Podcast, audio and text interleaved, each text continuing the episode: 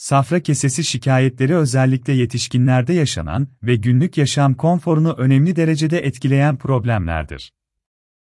Safra kesesi, karaciğerin hemen altınsa içi boş bir organdır ve 12 parmak bağırsağı ve koledok kanalına bağlanmaktadır. Temel görevi karaciğerin ürettiği safrayı depolamak olan safra kesesi özellikle besin yolu ile alınan yağların sindirilmesinde etkendir. Karaciğere yapışık olan söz konusu organda özellikle karaciğerden süzülen atıklar nedeniyle taş oluşabilmektedir. Hasta açısından oldukça acı verici olan safra kesesi taşlarında temel tedavi yöntemi safra kesesinde cerrahi işlem uygulanarak taşın vücuttan çıkartılmasıdır.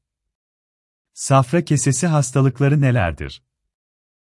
Safra kesesi hastalıklarının başında safra kesesi taşları, safra kesesi kanseri ve pankreas iltihaplarına bağlı olarak gelişen peripankreatik koleksiyonlardır. Safra kesesi şikayetlerinde başlıca risk grupları şu şekilde sıralanabilmektedir. Kadın olmak. İdeal kilonun üzerinde olma. Açık tenli olmak. Çok fazla doğum yapmış olmak. 40 yaş üzerinde olmak.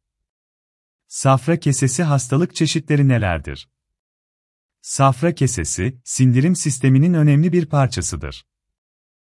Karaciğerin ürettiği safranın birikmesi ve oradan 12 parmak bağırsağına ulaştırılması görevini üstlenen safra kesesinde bir takım hastalıklar açığa çıkabilmektedir.